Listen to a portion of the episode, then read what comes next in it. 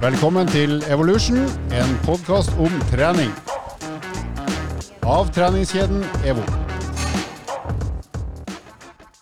Hei og takk for sist. Eh, Vi er tilbake med Evolution, en podkast som blir eh, laget av eh, tre herrer rundt et hvitt bord. I dag har vi nå eh, vårt eh, vanlige panel, nemlig den raske Andreas, den pene og skjeggete Lars, og den ikke fullt så pene Halvor Laustad. Vi ble enige om at du ikke skulle si Stygg. mindre pen. Ja, sa, jeg har slutta å si stygg. Altså, nå sier jeg mindre pen. Ok. Det hjelper meg. ok, eh, det har jo skjedd eh, ganske mye siden sist. Eh, For noen uker siden så snakka vi om Andreas sin prestasjon på en halvmaraton rundt omkring i Oslos gater. Og vi skal faktisk eh, prate om Andreas sin eh, nylige prestasjon nok en gang, men det er en ny prestasjon. For nå har du løpt halvparten, eller si du har løpt ti kilometer, og du har løpt ganske fort, Andreas. Eh, Du deltok i Hytteplanmila for ikke så lenge siden. Og hvordan gikk det? Uh, du, vi hadde jo en podkast hvor jeg satt hjemme, hvor jeg ikke var helt i slag. Uh, jeg har jo hørt de podkastene nå i ettertid, og jeg hører jo til og med på min egen stemme at jeg ikke var i slag. Jeg tror til og med lytterne så at du var ikke i slag. De så det på eh, enheten de spilte av podkasten via. uh, nei da, men uh, jeg rakk faktisk å komme meg i form, eller å bli frisk, da. Det så jo veldig mørkt ut. Jeg hadde jo en økt mandag hvor jeg bare holdt i 2000 meter.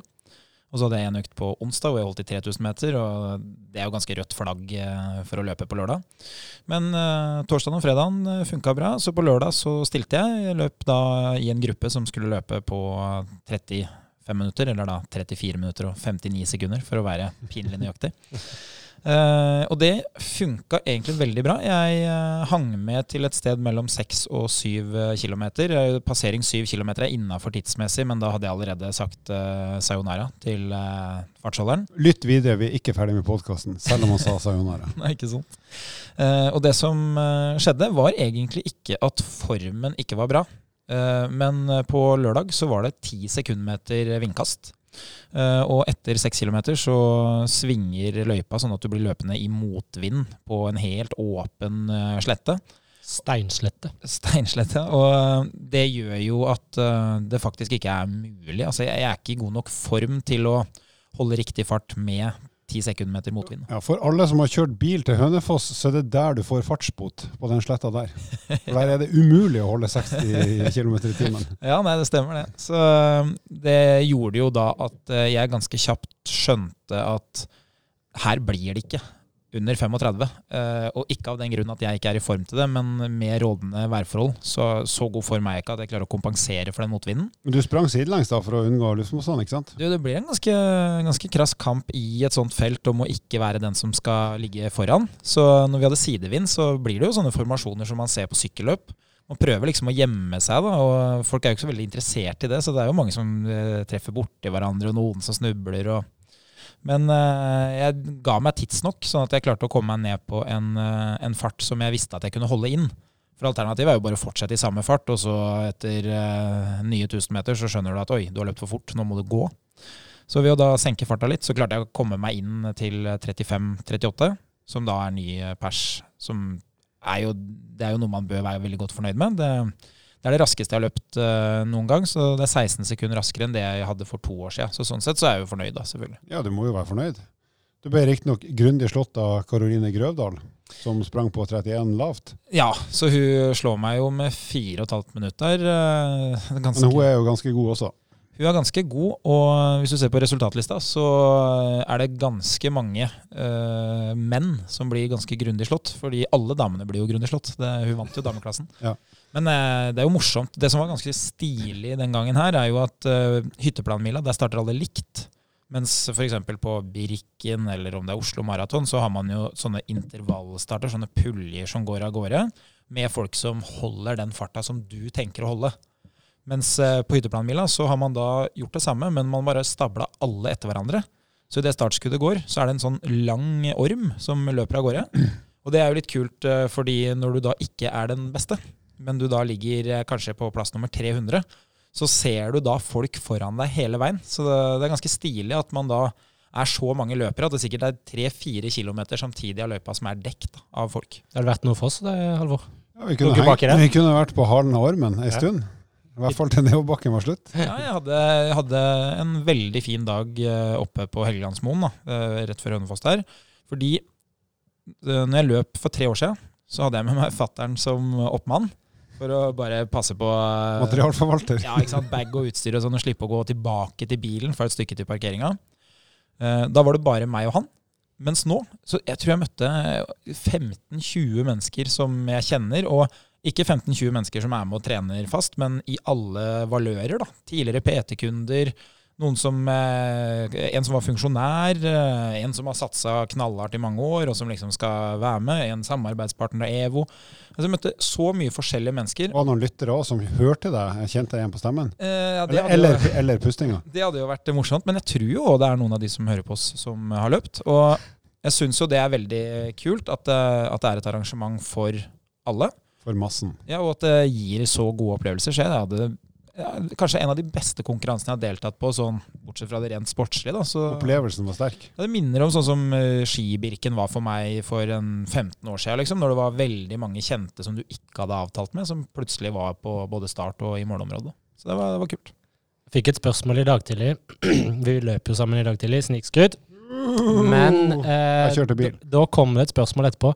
Bruker virkelig Andreas denne shortsen der hver gang han løper? Så spørsmålet er egentlig, brukte du den splitshortsen som overlater veldig lite til fantasiene? Eh, akkurat den splitshortsen som jeg løp med i dag tidlig, den brukte jeg på lørdag. Ja. Men nå, Er det den samme som på Oslo halvmaraton? eh, det kan også hende. Eller har du flere splitter? Jeg har flere. Men eh, jeg skal jo ikke skryte på meg å være veldig motebevisst, men jeg kan jo si det sånn at den svarte velges jo når det er farga sko. Ja, Og den var jo den du hadde i dag. Ikke sant? Så hvis jeg hadde hatt hvite sko, så kunne jeg hatt farga shorts. Lite, i motsetning til Halvor her, som sitter i eh, dressbuksa, rød joggesko, super og T-skjorte over. Så, så akkurat, Treningst-T-skjorte. akkurat det er jeg nøye på. Oppfølgingsspørsmålet var som følger. Er det egentlig en dameshorts eller en herreshorts? Det er damelår. Det er sånne mannekengbein, som jeg kaller det. Det er, det er ingen synlig muskulatur, det er bare tynne bein. Altså, jeg skal si at Splitten på shortsen er jo på sida, ikke foran bak. Så hadde det vært foran bak-splitt, så hadde det vært et fransk plagg. Med fransk åpning. Det har vært hardt å løpe i kjole eller sånn skjørt. Fransk åpning og lukking, hvis det er noe som heter det. I hvert fall eh, lukk. Vi skal snakke om overtrening i dag, folkens. Eh, Men før vi gjør det, så skal dere bli servert en eh, ganske hyggelig lyd.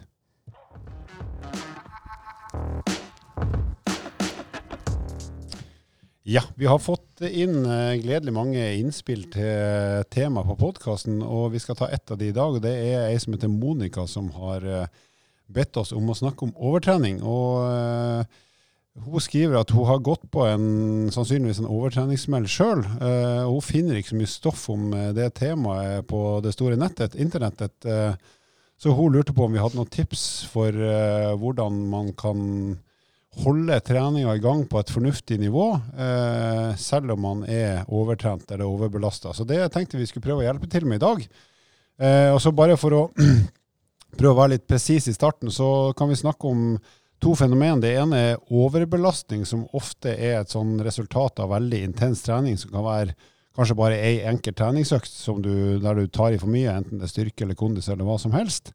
Eh, og så er det mer overtrening, som er en vedvarende tilstand som ikke oppstår akutt, men som kommer av at du over tid har Kanskje trent for hardt, spist for lite, sovet for lite. altså Mange faktorer som i sum gjør at du rett og slett eh, er det vi kan kalle overtrent. Og Det, vil ta, det er en, da, en prosess som tar lengre tid før du kommer deg tilbake igjen til, til en tilstand som du ønsker, la oss si et slags overskudd. Mm. Innledningsvis så tenker jeg det kan være et godt tips. Altså hvis du tenker og føler at du ikke har noen fremgang, og er litt sånn usikker på er det fordi jeg har trent for mye, er det høy belastning på jobb, er det hjemmebane, så ville jeg i alle tilfeller oppsøkt eh, helsepersonell, dvs. Si en lege, som, som gjerne tar noen blodprøver og gjør noen undersøkelser om det er blodtrykk, blodprøver osv., og, så videre, og en samtale for å få eh, noe dokumentasjon på om det er noe i kroppen som kan gjøre at du har den tilstanden du har. Og det går jo ofte på, på resultatene av blodprøven og det med å ha et virus i kroppen eller eh, det går mest på hvite blodlegemer, hvis jeg ikke tar helt feil. Jo, det, det er for den en del immunforsvarsmarkører man Ja, pleier Så å teste. CRP-en er høy, så vil det jo si at man i utgangspunktet jobber mot noe, eller kroppen feite et eller annet som du ikke kan overvinne, med mindre du kanskje gjør en justering i belastninga, om det er lavere belastning på jobb, eller litt mindre trening, og ikke minst får kanskje litt mer søvn og hvile. Så det er liksom steg nummer én. Eh, og det her er det å være det en sånn slags overtreningssituasjon. Det er noe som normalt sett, hvis du snakker idretter på høyt nivå, så er det normalt sett eller det er oftere blant utholdenhetsutøvere enn eh, kall det. Eh, og det har nok litt med totalt treningsvolum å gjøre. Så det er mange faktorer som spiller inn her. Men typiske symptomer da på kall det overtrening, det er jo at man er som Lars sa, sliten, du er utmatta eller føler deg slapp. Eh, på ens eget nivå, enten du er god til noe eller bare helt normal, så vil du se at prestasjonen du gjør på trening eller i konkurranse, ja, hvis vi kaller det en prestasjon å ha i treningsøkt, så vil du se at du gjennomgående kanskje løfter mindre enn før eller løper saktere enn før. Altså Du klarer liksom ikke å yte det samme som det du normalt sett gjør. Hvis du merker det over tid, så er det et sånn typisk symptom på at eh, du er i en slags overtreningstilstand. Og så kan det være vekttap, det kan være tap av lyst eller motivasjon til å trene, og humørsvingninger. Og så er det klart at mange av de symptomene her, det kan jo det kan skyldes mange ting, og trenger ikke nødvendigvis å ha noe med trening å gjøre, men det er også da typiske tegn på at det kan være eh, det vi kan kalle et overtrenings, eh, en overtreningstilstand.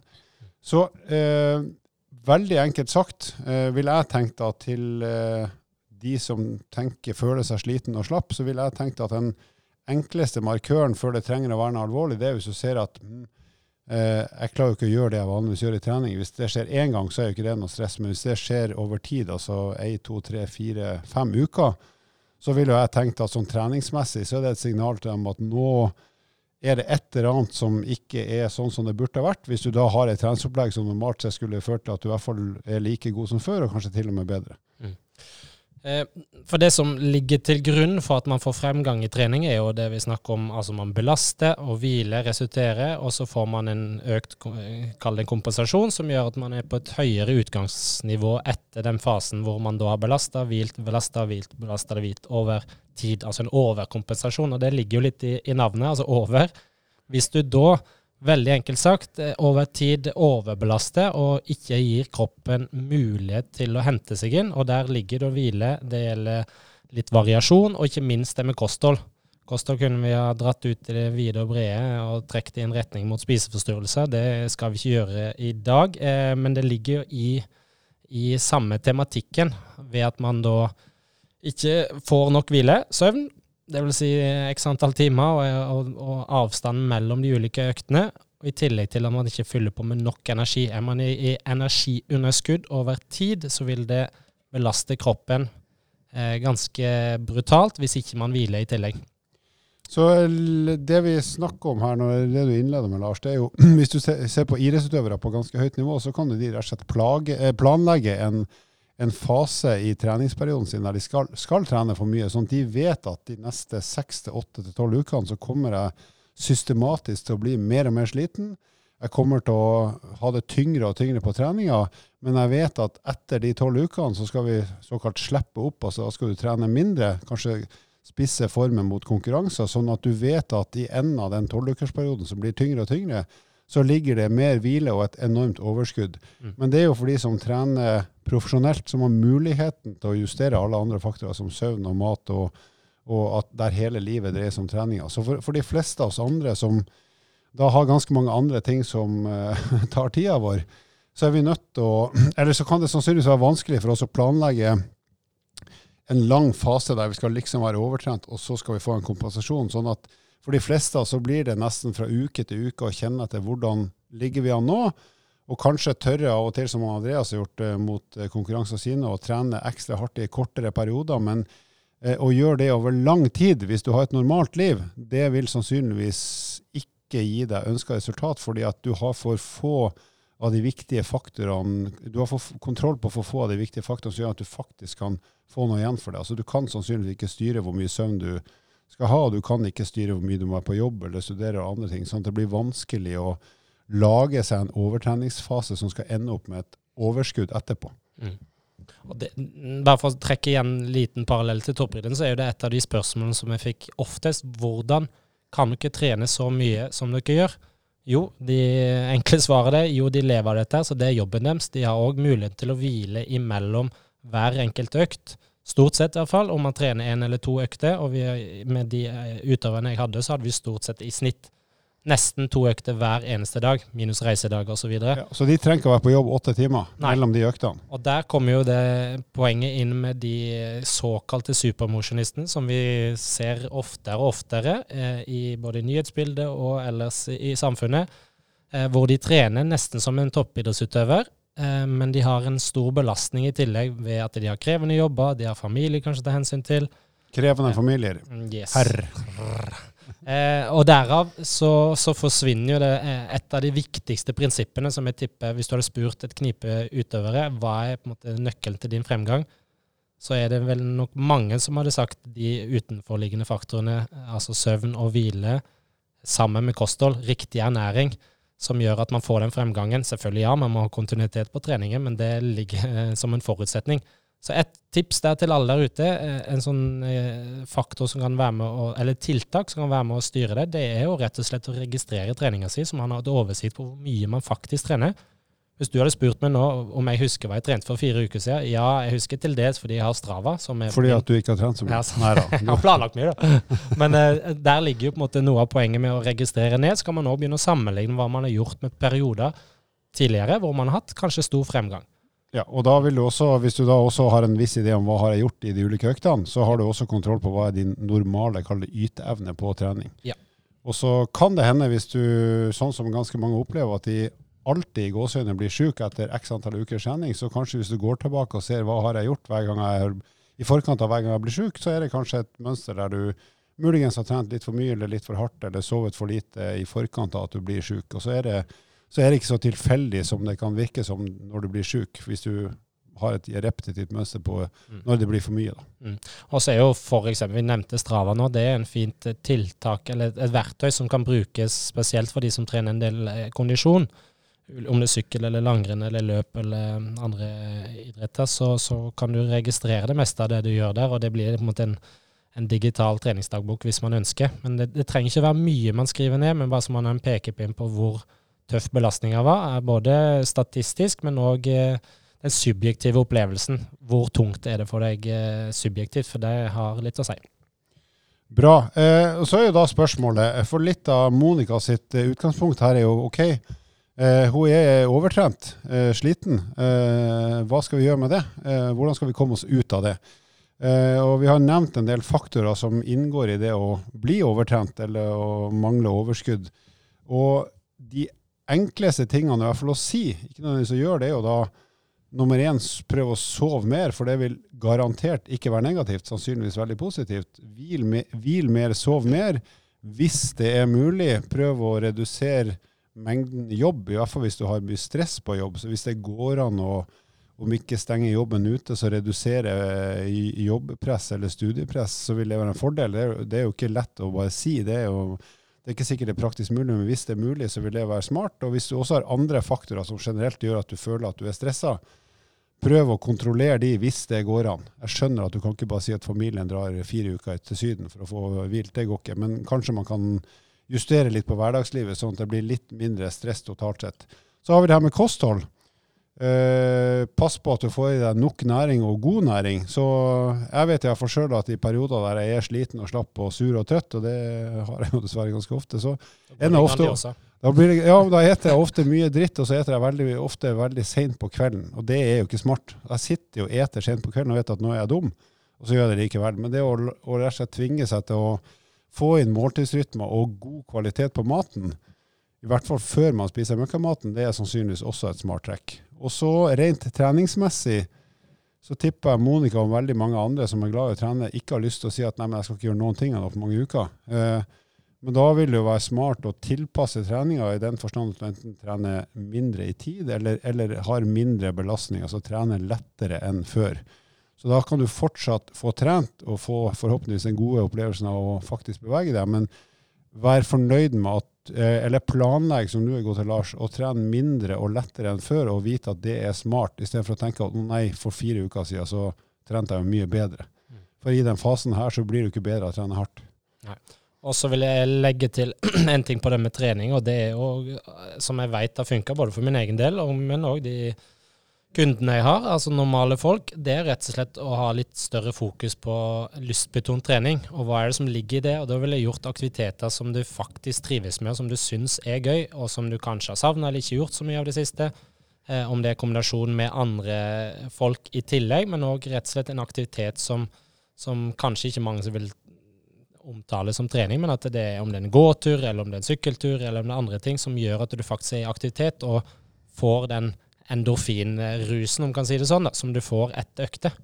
Og det du sier der, det er egentlig at hvis du da er vant til å ha et ganske strikt program, som er 1, 2, 3, 4, 5 ganger i uka, der du gjør x antall uh, varianter av kondis, styrketrening og andre ting, så legg det litt på sida og velg heller ok, hva hvis jeg, skal, hvis jeg skal trene i morgen, hva har jeg lyst til å gjøre da? Hva kan, hva kan jeg tenke meg å gjøre i min nåværende form? Og så glem det rigide skjemaet du vanligvis har hatt, og, og, og finn på noe som du i så stor grad som mulig tenker at dette kunne jeg tenkt meg å gjort, og så gjør du det på et uh, ganske lavt nivå i forhold til det du normalt forventer deg sjøl. Og så iallfall min erfaring når jeg jobber med både meg sjøl og andre, at jeg begynner da på et så lavt nivå at jeg vet at med mindre jeg blir ordentlig sjuk, så kommer jeg til å bli litt bedre neste gang jeg gjør det. Så kanskje ei uke etterpå så kan jeg holde på fem minutter lenger eller ta litt mer, og så blir jeg litt fornøyd med meg sjøl av den grunn. Så selv om jeg sammenligner med normalt presterer mye dårligere, så er det iallfall litt bedre enn i forrige uke. Istedenfor å liksom tyne strikken og maks, makse ut hver eneste økt, selv om du liksom skal holde igjen. Ja, det som er viktig, den, jeg er jo veldig enig i det som eh, blir sagt, men Takk. Ja, bra. Det, det som jeg òg syns er viktig, er jo at man kan jo lett uh, falle for fristelsen og tenke liksom at uh, ja, men kanskje jeg, er, uh, kanskje jeg er overtrent, kanskje det er derfor jeg er sliten. Og det som er viktig for meg å poengtere, er at det er veldig lav forekomst av overtrening blant dårlig trente mennesker.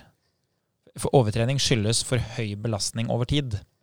Så derfor så er det sånn at de som hører på nå, og som tenker oi, kanskje det gjelder meg, det, det er egentlig ikke noe man trenger å frykte. Er, du må ha trent mye for å bli overbelasta.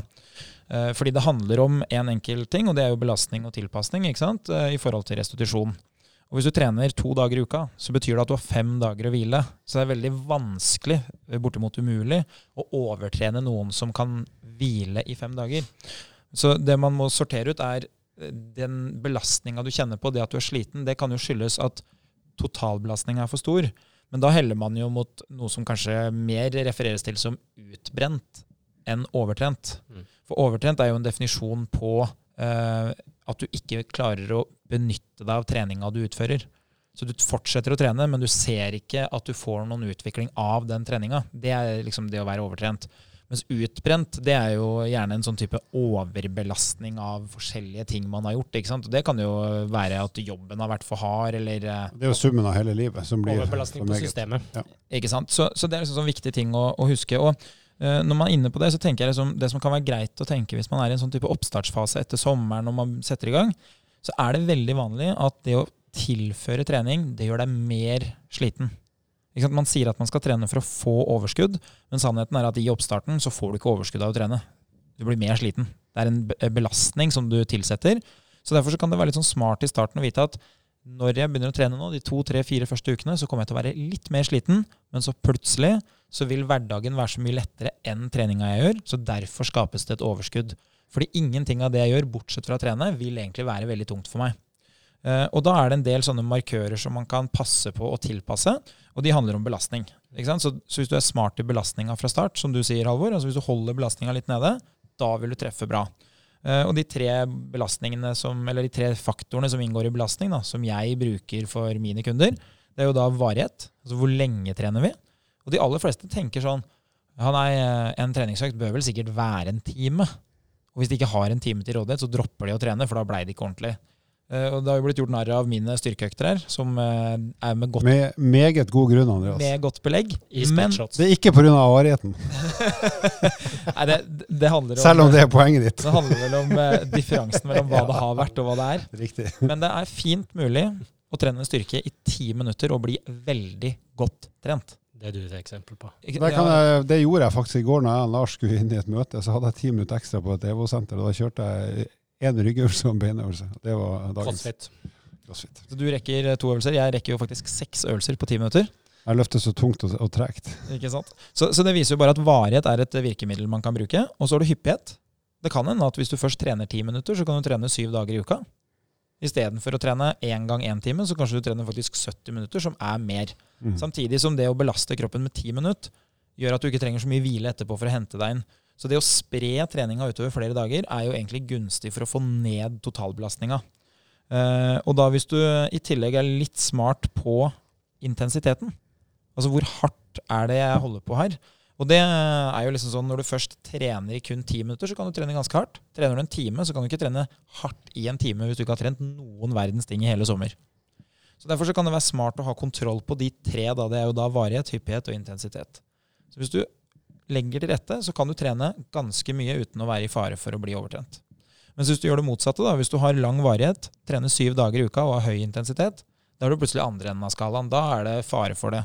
Og det er jo der toppidrettsutøverne er. ikke sant? For de tenker jo hvor mye er det jeg mister sammenligna med det jeg skal konkurrere med? Så de prøver å få inn mest mulig. Men de har bare syv dager i uka, så de blir jo begrensa av at belastninga er så nærme maks hele tida at de faller over av og til. Eh, Jeg syns det er et godt poeng det du hadde i starten av ditt innlegg.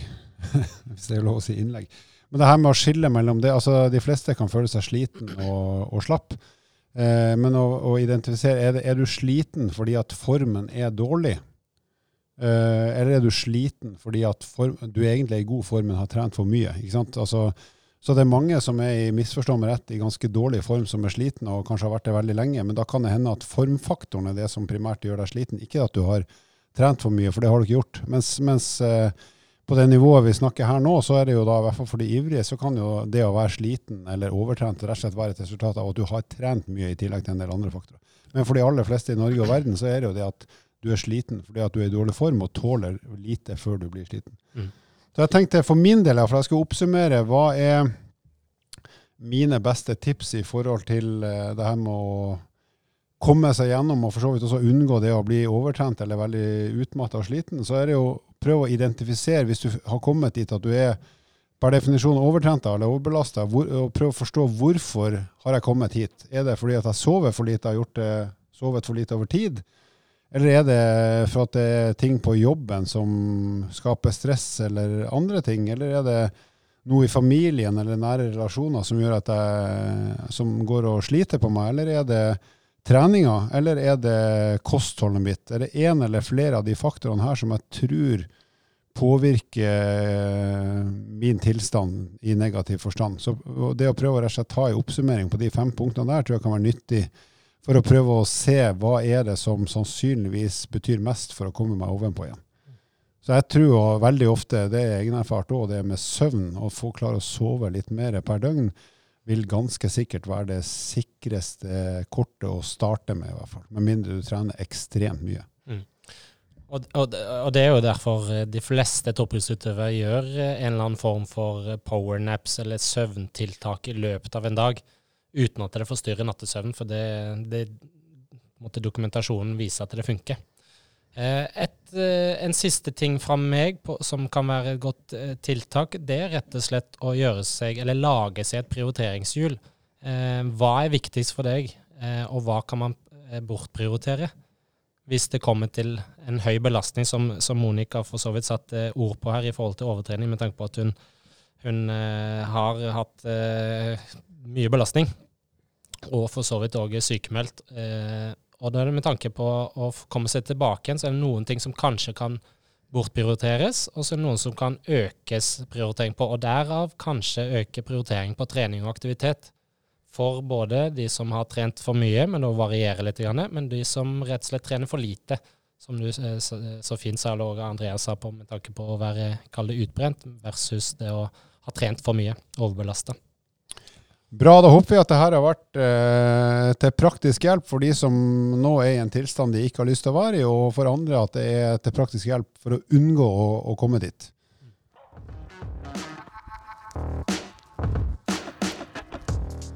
Vi skal avrunde som etter hvert normalt med å fortelle hva som har imponert oss i det siste. Og da skal jeg rett og slett begynne med å fortelle hva jeg syns har imponert meg mest i det siste. Og da skal jeg til eh, VM i bryting som foregikk i Oslo for ikke veldig lenge siden. Der var det, det er en enormt stor idrett, det er det ene. Eh, så det er stort sett hele verden som deltar.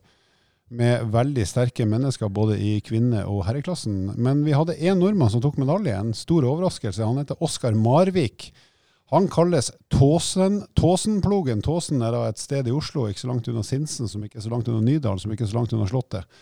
Eh, han kalles Tåsenplogen fordi han bor på Tåsen, og så har han en taktikk som er helt genial. Han er da en svær mann, han er en bryter i 130-kilosklassen. Så han hadde grisebanka oss lett, eh, selv om vi kunne gått på han alle tre. Men han Jeg tipper Andreas hadde løpt fra. Eh, Det hadde han nok.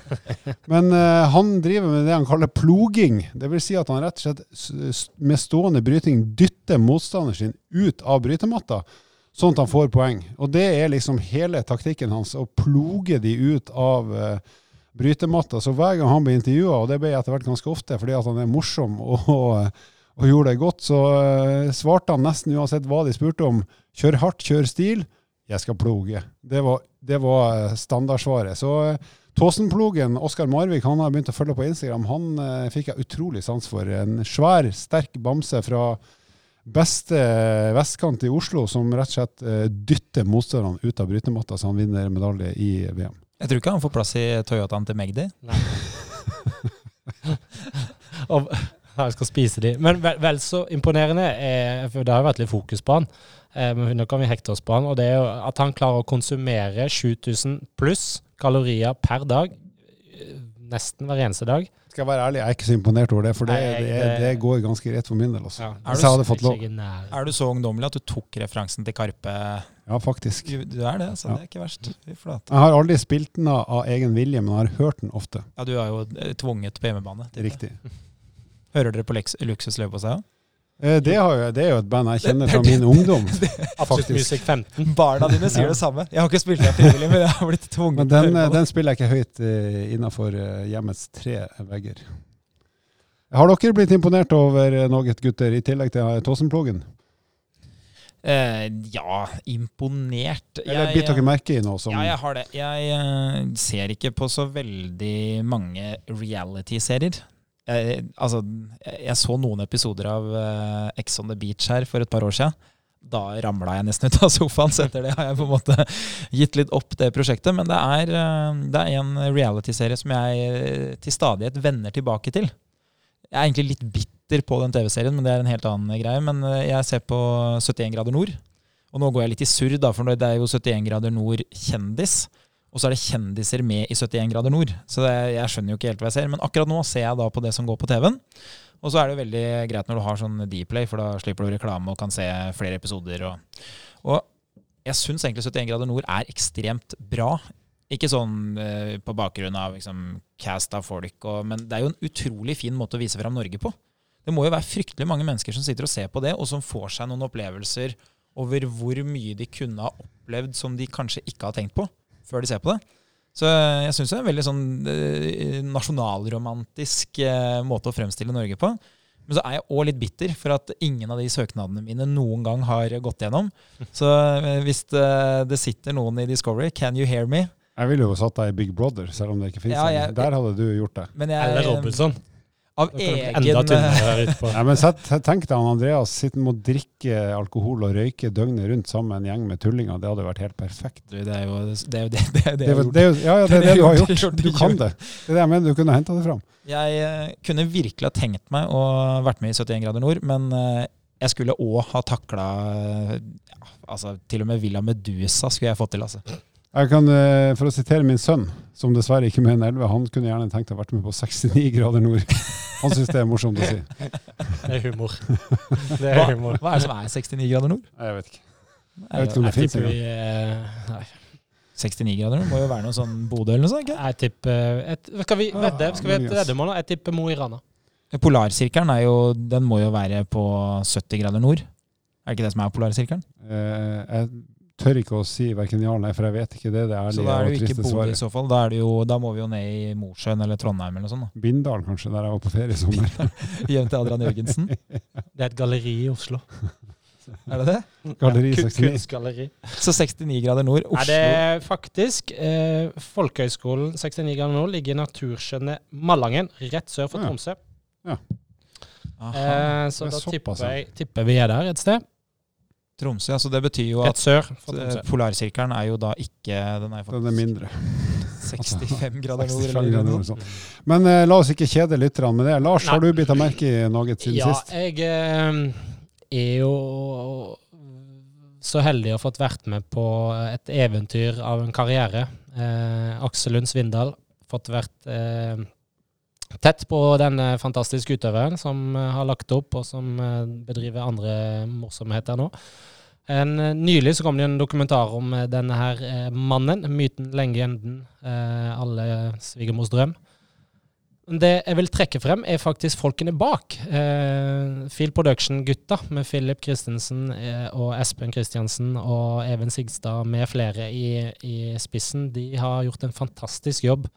Eh, nå blir det litt sånn subjektiv mening, nå, men eh, jeg har vært og sett eh, den på kino, og eh, Du hadde på deg frakk når du gikk inn, så Ja. Det har bedt du merke i. Ja, faktisk. En grå sånn Så jeg er blitt eh, en offentlig banner nå. eh, men gutta der har gjort en fantastisk jobb med å skape en fin historie for de som ikke kjenner alpint så godt fra innsida. Så, så er det fremsnakk av filmen, og dra dit og se eh, Aksel-filmen. Ja, han er en ganske ålreit kar, han der Aksel. Det. jeg kjenner han ikke, altså, men han virker jo som en, rett og slett en trivelig fyr òg. Han er en fantastisk fyr, og uh, genuint interessert i deg. Og en eh, Takk. Altså i meg. Ja. ja.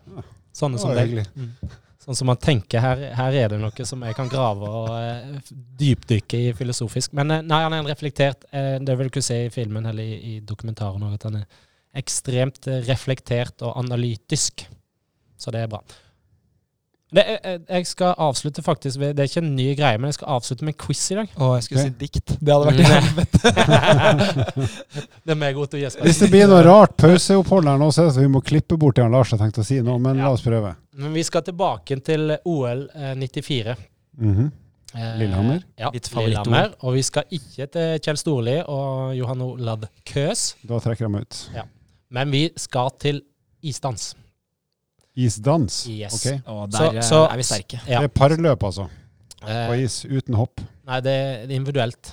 Mm. Det er kun ja, da er det kunstløp. Ja, men jeg tror de heter to forskjellige. Kan Nei, I isdans er par, men der er det ingen hopp. Ok, da mens er det eh, kunstløp. parløp er med hopp. Det her kan jeg. Altså, jeg Ja. Husk på, jeg har vært koordinator for kunstløp i Norge, folkens. Jeg Det kødder ikke.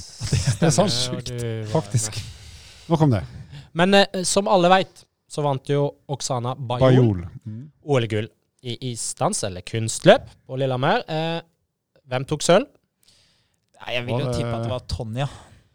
Nei, det var Carrigan, var det ikke? Yes, det er helt riktig. Er det poeng til deg. Tonja fikk jo kødd med skøyter. Var det Nancy? Det er Nancy Kerrigan. Men spørsmålet er til hvilken filmmusikk danset Nancy Kerrigan sitt friprogram til?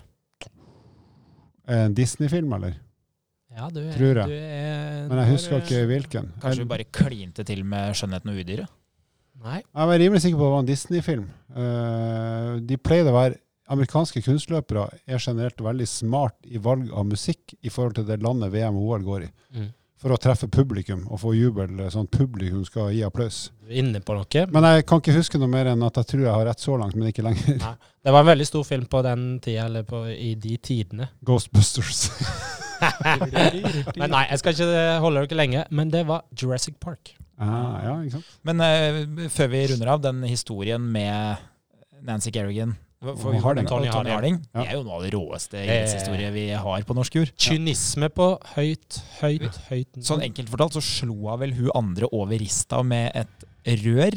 Ja, hun, Ton, Tonja Harding fikk en det var en ekskjæreste som til å utføre litt fysisk vold mot konkurrenten, sånn at hun ikke skulle kunne eh, ikke delta i OL. Altså Ja. kvalifisere seg til OL. For hvis du ikke er topp én i USA, så Så- får du ikke være med. Nei. Og så tror jeg det var det her er, Nå er jeg på tynn is. Men eh, jeg mener det var sånn at siden hun ikke kunne konkurrere, og de skjønte at det var et eller annet eh, overgrep hun hadde blitt utsatt for, så fikk begge lov å konkurrere for USA i, på Lillehammer likevel. Eh, og så mener hun Harding i kortprogrammet, for de danser jo da noe som kalles kortprogram og friløp. Mm. Kortprogrammet er det første, og det betyr minst, men det var likevel viktig. Og der mener jeg hun røyk lissa til skøyta til Hard, eh, Harding røyk, så hun måtte begynne om igjen. Altså når hun skulle starte programmet, så var lissa åpen. Så var det masse grining, og så fikk hun lov å gå om igjen. Men hun jeg mener hun ble sånn åtte-ni. Det, det, det er det bildet du har når hun står med beinet oppå kanten der. Og, Ja, og når, du, ikke sant, og når sminke plutselig ikke er så fint når det kommer tårer på. Ikke sant? Så det, det var egentlig litt sånn trist syn der. Men da, jeg mener det var i hvert fall opptakten, og så tror jeg hun Harding ble nummer åtte eller ni. Tenk at vi klarte å gjøre det kombinert og kulekjøring til viktige ting som vanligvis er eh, absolutt ikke verdensidretter. Men på Lillehammer så blei det liksom uh... Han, han som var ansvarlig for eh, både skøyter og kunstløp arrangementsmessig, han heter Bjørn Ruud, en veldig hyggelig fyr, han, han sa at maken til mediesirkus har han aldri opplevd verken før eller siden. Og det var, så- det var så, sånn enorm interesse på Lillehammer for de to, Mm. helt fra de kom til de dro. Men det er jo amerikaner i nøtteskall. Har du deltatt i OL, så er du en superstjerne. Trenger ikke ha noe resultat. Satt litt på spissen. Nei, jeg har, aldri, jeg har jo aldri deltatt i OL. Jeg har heller ingen resultat verken fra OL eller kretsmesterskap. Men du er interessant i Oslo. Men jeg er heller ingen superstjerne. Så det henger sammen. Det gir mening. Gutta, nå har vi babla for lenge. Vi får si takk for oss. Sayonara. Vil du vite mer om trening? Abonner på podkasten og sjekk ut vårt treningsmagasin på evo.no.